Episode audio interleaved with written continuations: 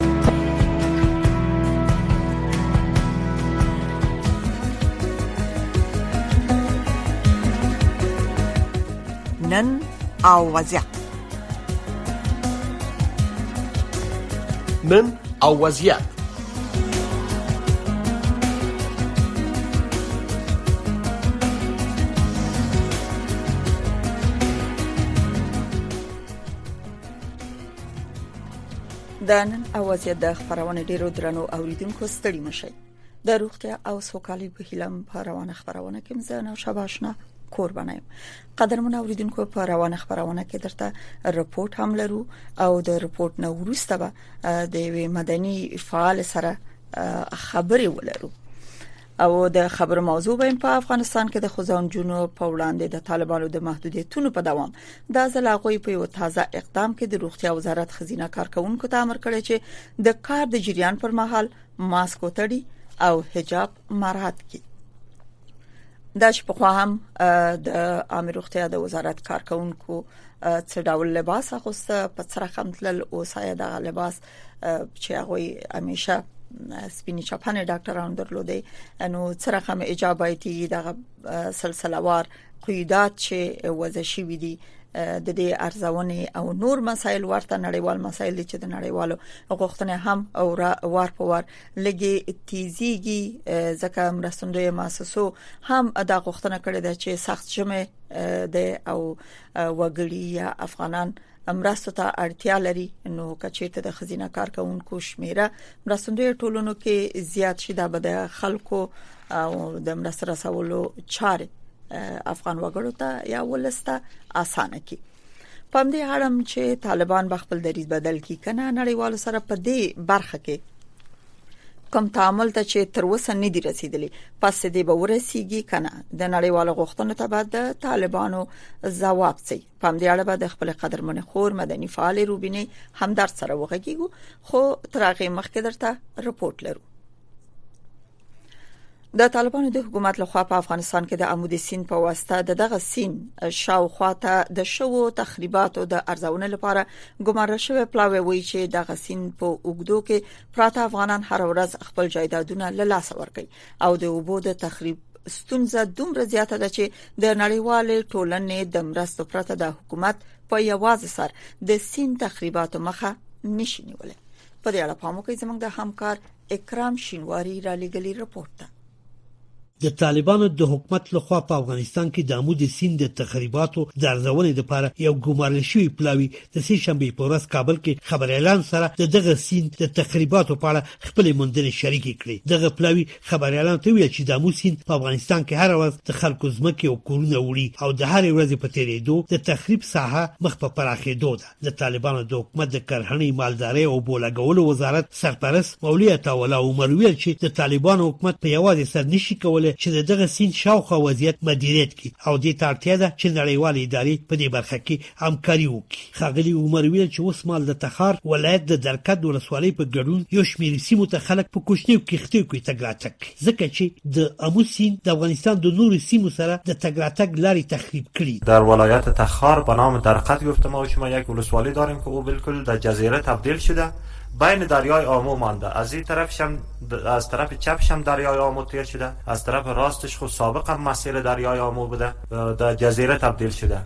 و همچنان ما و شما استراتژیکی اونجا چیا داریم بندرا داریم آی خانم بندر در حال خطر است شیرخان بندر در حال خطر هستند و حتی اونمو راه ترانزیتی که ما شما داریم از تاجیکستان که به قندوز می آید دمو سرک حال تقریبا یگان 50 60 متر مانده که دریا برسه مولوی عمر ویل چې د درکت سربېره د امو د سیند په اوږدو کې څو نور ځایونه هم شته چې د سیند په منځ کې راګیر شوي. هغه وویل چې هغوی چې په وروستیو کلونو کې ځمکې او کورونه د امو سیند تخریب کړي د خپلو سیمو کډه شوي او په ډېرو سختو شرایطو کې ژوند کوي. د امو سیند چې 2400 کیلومترو په اوږدوالي چې نیمه یې د افغانستان په دنده کې بهیږي سرچینې د پامیر غرونه دي د افغانستان او منځنۍ اسیا د درې هیوادو ترکمنستان ازبکستان او تاجکستان سره په سرحد کې بهیږي دغه سیند په روسي کلونو کې د افغانستان په اړه کې له یو کیلومتر څخه نیولې بیا په ځینو سیمو کې تر 15 کیلومترو پورې خپل مسیر بدل کړي او د دغه سیند په اوږدو کې د پروتو اوسیدونکو کورونه او جایدادونه یې تخریب کړي دي د دغه سیند د ارزونې د پلاوي او غړي او د اوبو انرژي وزارت مین انجنیر مجيب الرحمن عمر خبریالانو ته ویل چې د امو د سیند د تخریباتو د مخنیوي لپاره لنډمهالو او اوږدمهالو پلانونو ترتیبولو ته اړتیا شته دي هغه ویل چې په عاجل ډول د امو سیند د تخریباتو مخنیوي لپاره شپږ میلیارډ افغانیو ته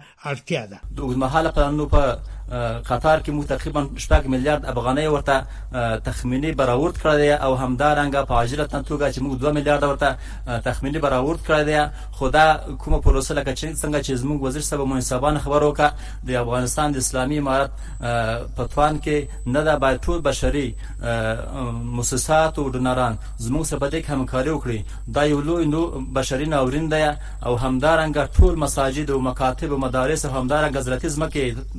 تخریب لاندې تهدید لاندې دي د اټکل لمخې آمو سیند په تیرو شاوخوا درې لسیزو کې په تخار، کندوز، بلخ، جوزجان او بدخشان ولایتونو کې د افغانستان په اړخ کې تر 15 زره هکتارو پورې ځمکه تخریب کړې او دغه سیند په افغانستان کې خپل مسیر بدل کړي 15 کال وړاندې د پخوانی رژیم پر مهال د دغه سیند په اوږدو کې په 100 کیلومتر ساحه کې د سیند د اوبو د کچې د پورته کېدو ساحې په نښه شوې وي خو په تیرو دوه لسیزو کې د دغه سیند د سواحلو د مدیریت لپاره ډیر اقدامات نه دي شوي چې د دغه سیند د مسیر د بدلیدو مخه ونیسي د امریکا غږ آشنا ټلویزیون نړۍ ته ستاسو لاره د آشنا ټلویزیون بیلابیلو خبرونو کې تازه خبرونه چیرنیز رپورټونه او مهمه مرکه اوريدي شئ تاسو د خبرونه د امریکا غږ د ساتلایت لاري په ژوندۍ بڼه لیدلای او اوریدلای هم شئ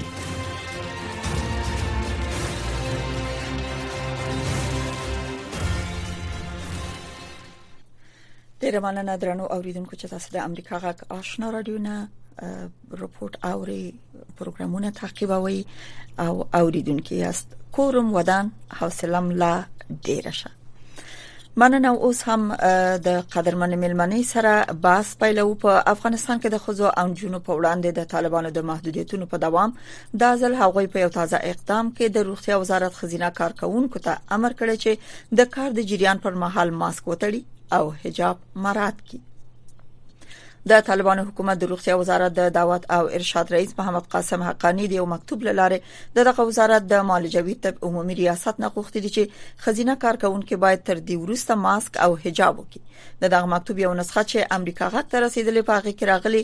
ل ډېری مودې رئیس د روغتیا وزارت خزینه کارکونکو د څارنې لمخې هیڅ حجاب نه دی مراعات شوی نو په همدې اساس د امریکا روغتیا وزارت د دعوت او ارشاد ریاست لخوا د ټولو ریاستونو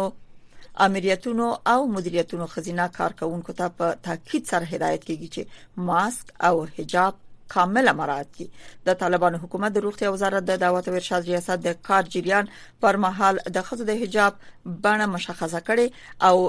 یعنی شکل له روغتيایي مرکزونو سره ورته شریک کړي دي چې تر هغه وروسته خزینه کارکونکو باید دا رقم حجاب واغوندي ها قدرمن اوریدونکو یو موضوع چې مخکې تر دې چې د قدرمن ملمنې سره باس پیل کو باید ویو چې حجاب بد شي نه دی یا د حجاب اغوسل د خزې لپاره بد کار نه دی چې سوی تفاهم نشي خو خبره پدې کې ده چې ځنې مسلکی لباسونه دي یا مخکې تر دې چې اوس په حجاب تاکید کیږي په دغه مؤسسو کې خزه سره کم تللې یو څو ورځې مخکې داسې اعلان وشو چې جنې نشي کولای د کانکور په ازموینه کې شخصي پانتونونو د لپاره داخله وکي دغه موضوع به هم د خپل ملمنې سره راوسپړو چې د دوی نظر دی وي خزه په توګه څه دی چې د اقداماتو پایلې سي فرمان په فرمان غوښتنې په غوښتنې په پرلپسې توګه د دې پیامدونه او د نړیوال ټولنې ټینګار خپل د افغانانو ټینګار مهمه دلته د ولس غوښتنه ده د بهرنیانو ټینګار په هر صورت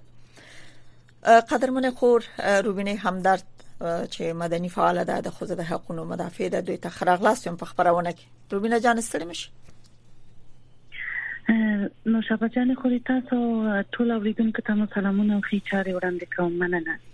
کور د ودان خوشاله چې خبرونه کې بیا هم موږ سره ګډون کوي موږ سره استي تاسو به د خبرونه د بحث موضوع اوریدلی غواړم چې ساسه نظر په واخلم بیا هم تاکید کوم ویم چې حجاب بد خبره نه ده ولې په څه ډول څه رقم آیا یوازې حجاب د خزو ستونزې حلول شي یوازې په ټولو مؤسسو کې که مطلق یو داسې د سې حجاب واغسل شي د سې خلطه په سر شي چې اصلا یوازې سترګې لاره وګوري فکر کوي چې دا ټول ټولنه اصلاح به یوازې په همدې پورې اړه ولري خا دا ورسته پښتنې دي اوس یو غواړم ساس نظر د طالبانو د دې نوې غوښتنې چې د صحت عامه د وزارت کارکونکو نه البته د حجاب غوښتنه کړې ده ساسه غوښتنه نه بلکې امر کړی چې باید سل په سلو دغه ډول حجاب چې بڼای مرته خودلې ده باید مراج مهرباني وکړي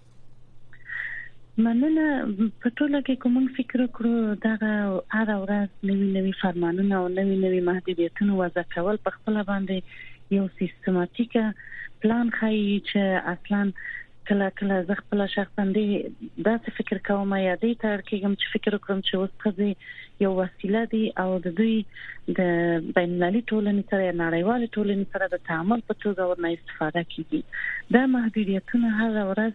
پلان شوې دي په دې باندې اتمن ناس کیږي د سیستماتیکه توګه دي او دغه محدودیتونه خپل د دوی هغه پلانونه تطبیقوي چې دوی غواړي د خځو نه یو یو وسیله په توګه استفاده وکړي دوی د حقونو نه او دوی د دې تر شا چې کوم هغه دي اهداف دي هغه اوس ټول ته معلوم دي خو څه شي چې پایلې دي هغه ته دوی اصلا فکر نه کوي نه ممکن یو خزینه یو څو ډاکټران به په ټولنه کې پاتې دی به د دین اورسته په دې اړه کې شي چې د هیواد نه وځي یا مثلا په کور کې به ترجیح ورکړي چې کینی څومره محدودیتونه طبعا یو خزه خسته کوي ستړي کوي ستومانه کوي روانن فشار لاندې هر ورځ کار کول دا په خپل باندې د دې سبب کیږي چې د خځو د ډاکټرانو خځو چې څومره ټولنه ورته ضرورت لري څومره خزینه مریضان ورته ضرورت لري د دوی د ګډون به ډیر محدود کړي ډیر به کم کړي او ډیر به د ستونزو سره به مخ کړي اصلي خبره دا ده چې زه د یو مسلمان په توګه ده لکه څنګه چې تاسو هم ورته اشاره وکړه د ایجاب طرفدار یم په دې ټولنه کې 95% خځو خوا او نه هم حجاب مراتول اسلامي حجاب کې به د کور نه بهر کېدلې هیڅ څنګه نه و ډاکټر صاحبانو یو ډیر ښه منظم لباس درلود حجاب کې مرات او د وی ټول ویخته په پوښل شوی او د پخوانه هم ځکه چې دوی هغه طبي کارونه هم زه خپل یو ډاکټر نه چې خای تشریح کړم خدای اجازه نه ورکړي چې د دوی ویخته بهر ځکه چې البته د وایروس او میکروب او د خبرو مسلې دي دوی ډیرو مهمه عملیاتونو کې ګډون کوي دوی مثلا مغلبه چې باید غونډه او منظم به دغه وسی او د پانه هم دا او موږ تاسو لیدلیو بل دا چې ډاکټران خبینه ډاکټران په هغه شفخانو کې په کار بوخت وي چې خبینه مریضان به درلودلې نو هلته د نامحرم او د دوه کسان نشته د ځنه پیغام دا خبرې د کومه راځي هر ورځ ولې راځي ځکه چې افغانستان افغان ټولنه اوس نور ډیر زیات روسته پات ټولنه د ډیر کارونو ته ضرورت دی ډیرو مهم کارونه باید وشي خدا ټول ګوښه شوی دی واره ورځ د خزو په ارتباط نوی نوی بحثونه او فرمانونه را صادریږي او راوځي چې سړی په خپل باندې په دې باندې فکر کوي د تم یې پام راوړي چې دلته د دې تر شا ځینې خبرې شته بله بله مونږ ډیر هڅه مو کړل روبینا جان چې و ډاکټر هم خبرونه ته حاضر شي چې په مسلکي لحاظ هغه عملیات خانه جدا خپل لباس لري چې یو ډاکټر باید ولري او د مسلک په نظر کې نیول سره دغه کار په نظر کې نیول سره چې دوی سره هم کار کوي مریض سره څنګه برخورد کوي اما هغه سه د اصول مطابق دوی اول نم ساس خبره چې حجابونه درلودل یعنی هغه لباس او چاپانه د سوي چې تقریبا حجاب شکل چې یعنی حجاب پکې مرات وګدي چپنه وي په هر صورت څه فکر کوئ تاسو مخکې خبرو کې یوې نقطې ته اشاره وکړه چې دا په سیستماتیک ډول نړۍ سره د تعامل لپاره په خزو باندې قیدات وضع کیږي فکر کوي چې خزه د اوسنی سیاست د طالبانو او د نړۍ ترمن د تعامل یو وسیله ګرځیدل ده که څنګه زه شخصا خو همیشه همدغه فکر کړم او زه په دې باور یم چې اوس همدا خبره ده ځکه چې کو افغانستان کې چې د خلکو د ژوند د خوالي په ثبات فکر کولای دی نوري برخې دي دغه خزې ډېری مجبور دي اقتصادي ستونزو ته باید حل لارې پیدا شوي وای د کار زمينه باید پیدا وای ځوانانو ګوري په څه وضعیت دي د تعلیم کچه کومې خوا ته روانه ده دلته ډېری زیاتې ستونزې دی هغه ته ولې پاملرنه نه کی فرمانونه نه راوځي نوې حل لارې ولې نه پیدا کیږي چې ټول ورځ د خپل کیسې دی واضح خبره ده چې نن د نړیوال ټولنې سره د تعامل په برخه کې د خزانه دی وسیلې په توګه استفاده کیږي متاسفانه بله بیا ویم چې بله بله او بخیر اسلامي امارات باید د خزو تاسو بخیر د خزو په ارتباط باید دوی مسولیت احساس کړئ دوی وایي چې موږ اسلامي امارات ټولنې د پاره یو او دا زمونږ ټولنه د تاکساس ټولنه د والد خپل خويندو خپل مایند د حقونو نه تاسو د وسیلې په توګه د نړیوال ټولنې سره د تعامل برخه کې استفاده کوي دا سویس استفاده ده دا استفاده نه ده متاسفانه بله بله بیا هم ویم ډیرم هڅه وکړل چې باید یو ډاکټر یا ډاکټر سره موږ سره په خبرونه کې چې په د روغتیا په برخه کې د اوسنیو کمبوتاتو یا ضرورتونو په اړه هم خبرې شوې ده چې یونیفورم ته یې جواب غوسل کیږي دا هم د طالبانو د حکومت د کار یو ډیره جدي برخه ده چې خزو ته ډیر زیات د ټولو موضوعاتو نه ترجیح ورکړی دا چې هر فرمان کې په حساب تر اوسه پورې د فعالیت یا د حکومتداري ډیره برخه هم دغه تشکیلي اما که وکتل شي د روغتیا وزارت به څومره ساس په نظر کارونه کې نیمګړتیا وي د روغتیا وزارت د اول نه یعنی په خو هم څنګه چې لازمه و ټول افغانستان ته روغتيي خدماتو پر رسولو کې هغه افغانستان جوګن نه وو یا د روغتیا وزارت د طبي خدماتو یا روغتي خدماتو پر اسولو کې سل فیصد پوره نه و اما د نظام د تغییر سره خطابن د ضرورتونو هم ډیر شوی دي او هم د خلکو اړتیا ورته ډیره ده لبل خو چې په پا پاکستان یا په غروختونونو ډیر افغانان متکی و ډیری به اخوا تتل وس د ویزو موضوع یا د پاسپورتونو موضوع یو لوی سرخوږی دی د افغانانو لپاره څه فکر کوي چې اولویت باید کوم کارونو ته ورکړل شي چې خصوصا روغتیا وزارت په کلیدي کلیدي وزارتونو کې راځي چې د خدماتو ارزه یا خلکو ته د رسیدنې موضوع تر ډیره مهمه ده ټولو لپاره ولست لپاره د روغتيایي ستونزو موضوع بخصوص د مایندو او ماشومانو لپاره دومره په ډېرې ستونزې یې درلودې چې حتی جمهوریت هم نه و توانېدلی چې هغه سطحې ته ورسوي چې څومره چې د ټولنې توقع او یا ضرورت و متاسفانه هغه وخت هم نه و خو اوس دومره راټیټ شوي دي دا خدمات دومره د ستونزو سره مخ شوي دي چې زه دا د هیرام لرم چې یو ورځ به د مایندو او د ماشومانو د مړینې کچه دومره پورته شي چې بیا به د راټولول یا غي سره به مبارزه بیا ډیره ستونزه منه شي زه فکر کوم چې د دې پر ځای چې دغه محدودیتونه وضع شي وای باید د ستونزو او دغه کارونو ته پاملرنه شي وای حل لارې ورته پیدا شي د خدمات باید تقویه شي وای د خدمات باید یعنی پرمختللي شي وای متاسفانه په کله او باندو کې وسم خزي نشي کولای چې سخت ناروغي او کې نیمه شپه یو کلینیک هلته ولري او لاسرسي ورته ولري او ورسیږي ډیره په لارو کې تلف کیږي یو امبولانس نشته ډیر ستونزې دی هغه پاتې شوې او دلته نور محدودیتونه وضع شو واضح خبره ده چې دا نورم منفي اغیزې کوي مثلا دغه اوس ډیر ډاکټران دي چې هرې خواته درخواستونه لیږي او وایي چې موږ ته پناه راکړي موږ دلته زمونږ دنده او دا ټول د محدودیتونو سره مخ شوې دي یو ورځ به راشي چې دا یو څو محدود ډاکټرانو دي دا هم د ټولنې نه پیو رقم یا په کور کې بیا تکرارون یا به افغانستان نه بهر شي نو بیا دا د مړینې کچه چې دومره پورته کیږي د مایندو ماشومانو دا د دې جواب به څوک ورکړي زه نه پوهیږم چې د دې پایلو ته څوک په دې ټولنه کې پام یې دی نه دی کدا واقعا غواړو همدان دا ټولنه یو یو بادي خواته بوزو زه خپل ډیره ډیره ځنی وخت یعنی څنګه د رواني فشار لاندې زم چې بیا فکر کولو ته ادامه نشم ورکولای بله بله بله یعنی بیا هم چې د حجاب موضوع افغان خزه ټوله د حجاب غوښتون کړي اما کله چې وي درس ته مزي تعلیم ته مزي پانتونونو ته مزي کار ته مرزي دا خبره نه ده چې کله کله ویل کیږي چې موږ خدای مکه اوایي د سلګیس رپورټونه لرو مستند شي وي دي هغه مېرمنې موږ سره غږیدل دي په همدې خبرونه کې د امریکا غاک د نن وضعیت په خبرونه کې په نورو خبرونه کې چې دوی د وزارتونو نه جواب شي وي دي زنه ته ویل کینې کور کې تاسو تمام شونه درکاو اماغه خزه هم موږ سره په خبرونه کې وی غوونه خپل را لګلی خبرې کړې دي چې موږ نه معاش اخسته دي او نه موږ کار ته پرخي استو اوس هر محدودیت چې په خزو لګيږي نو دوی یا وځکیږي دوی اماغه فکر کوي چې یو محرومیت احساسي چې د زده کړو دروازې په منګه بند شوې د لوړ زده کړو بند شوې د مکتبونو بند شوې د کار بند شوې په مؤسساتو کې کندرندو کار کو په هغه باندې محدودیتونه وضع شوې دي چې د ملګرو ملتونو استاد یو ځل بیا غوښتنه کړې په دې برخه کې چې سوړ ژمه ده او خلک ډیر ضرورت لري مرستو ته باید د خزو په برخه کې طالبان په خپل پالیسي کې یو څه نرمښت راوړي او یا هم که نور برخو ته توجه نه کوي حد اقل دوی ته باید استثناء قائل شي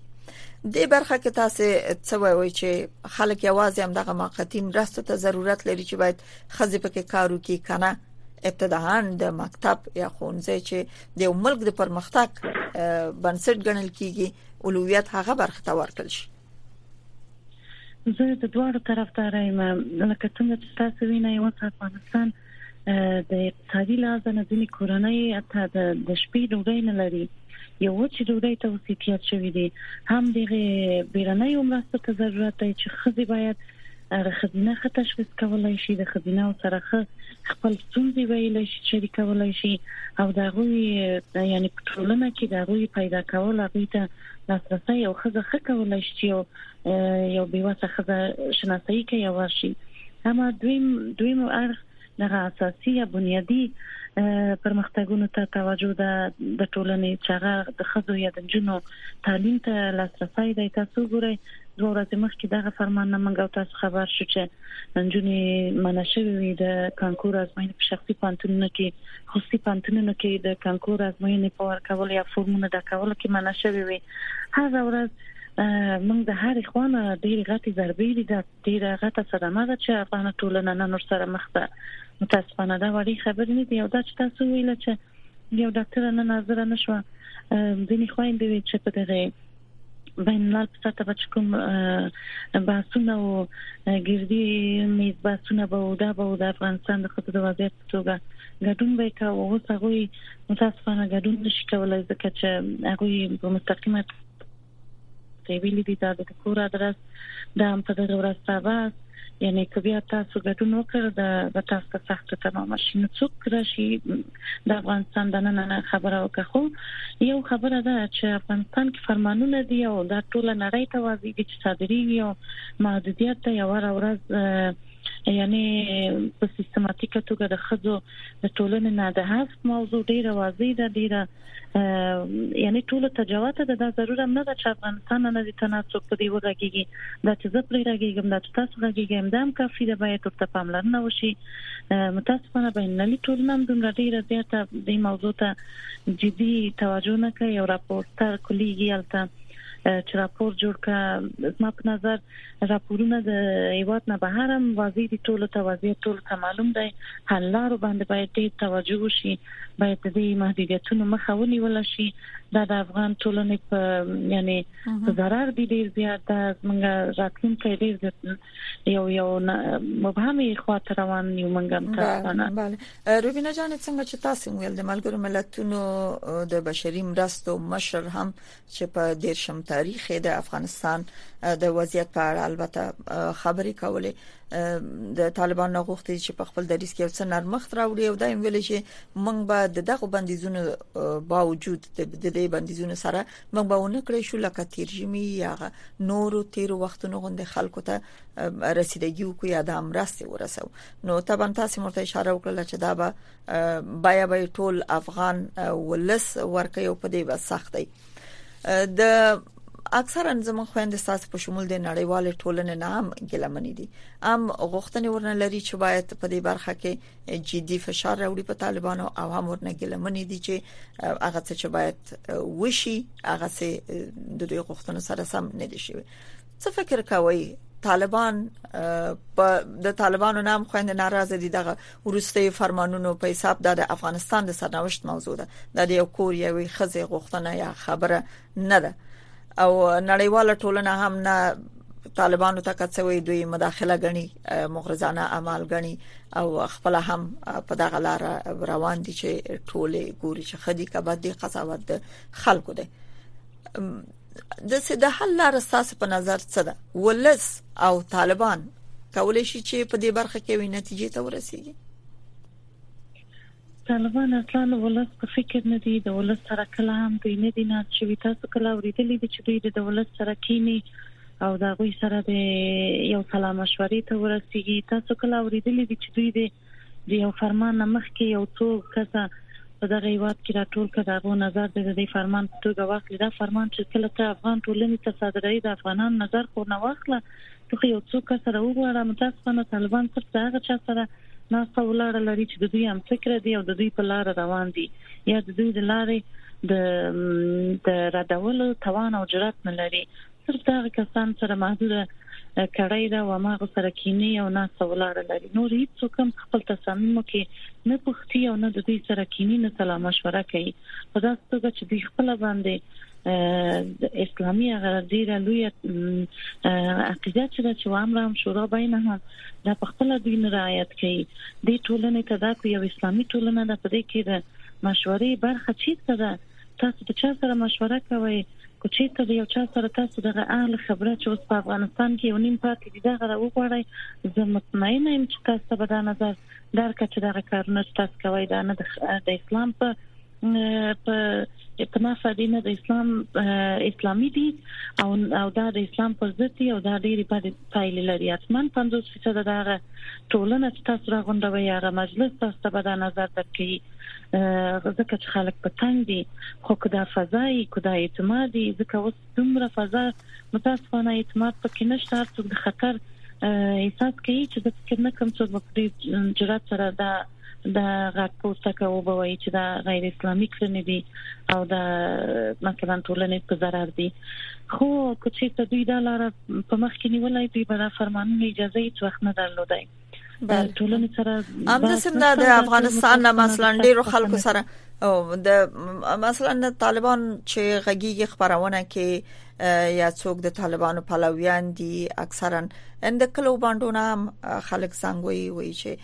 آرامي ده اکثره کسان وایي چې دنیا ټول افغانستان ګل ګلزار دی هیڅ خبره نشته ده اما کله چې موږ یو عادي کا سره غواړو چې د افغانستان نه خبرې وکړو ورته زنګ او خصوصا د حکومت په چوکاټ کې د طالبانو د حکومت په چوکاټ کې چې کار کوي ډیر زیات اصرار کوي چې موږ هیڅ نشو کولای یو کلمه د خلینو وباسو مونږ ته ډیر جدي خطر پیخیږي الدا چې کچیرته د حکومت نیمګړتیا په ګوته شي نو حکومت به متوجي شي هیڅ کله هیڅ حکومت په یواز سر نه دی توانیدل چې به د نغم دغه شکایتونه د اصلاح سبب ګرځي اما دوی وي مونږ یې ریګو کچیرته یو کلمه مو یې له دازمنګ د مارک تر سرحده مونږ غواخل کیږو نو څه فکر کوي دغه حالت به تر کومه دوام وکي آیا داسې یو ورځ براشي چې مثلا دغه حالت چې اوس د افغانستان خزه لري دا یو څه کم شي او افغان خزه وکړي شي په آرامي او ماغه د داخل د چوکاټ یعنی هر حکومت چې راغله دی یو څه هغه لري اصول لري خپل ولې فکر کوي چې دا حالت به بدل شي خلاص لاند جواب راکړي حالت بدلیدون کې دی دا بيخي په اطمینان تاسو ته ویلای شم چې دا څورز به ډیره زړه راځي چې افغاني ښځې به خپل حقوقو ته لاسرسي لري به تعلیم تاسو نیمه نیمه ټولنه څنګه د تعلیم نه به برخه کولای شي د دې ټولنې پرمختګ سره کم کیږي دا په اطمینان سره ویلای شم چې دا ورځ بدلیدونکې ده خو کاش کې دا دا دا تغییر دوی خپل راوستي وای خو دوی خپل راوستي وای د دې په ناس او متاسفانه دا تغییر خو راتلونکی دی دا محدودیتونه راس نشي پاتې کېږي د خلک د فشار لاندې یو کله چې بسته ټولنه یو ټولنې خلک ناراضي د حکومت په چا باندې ډیره مننه ډیره مننه روبینه جان کور ودان کور مدني فعال او د خزو د حقونو مدافع روبینا همدان ډیره مننه چې په روانه خبرونه کې ګډون وکړو کورم ودان درنو اوریدونکو د نن وضعیت خبرونه په همدې ځای پای ته رسیدي په لاندې شیبو کې تاسو غږ خبرونه پیلېږي هله لرو چې په خپل خبرونه کې د اصولو د مراعاتولو په پام کې نیولو سره برخه واخلئ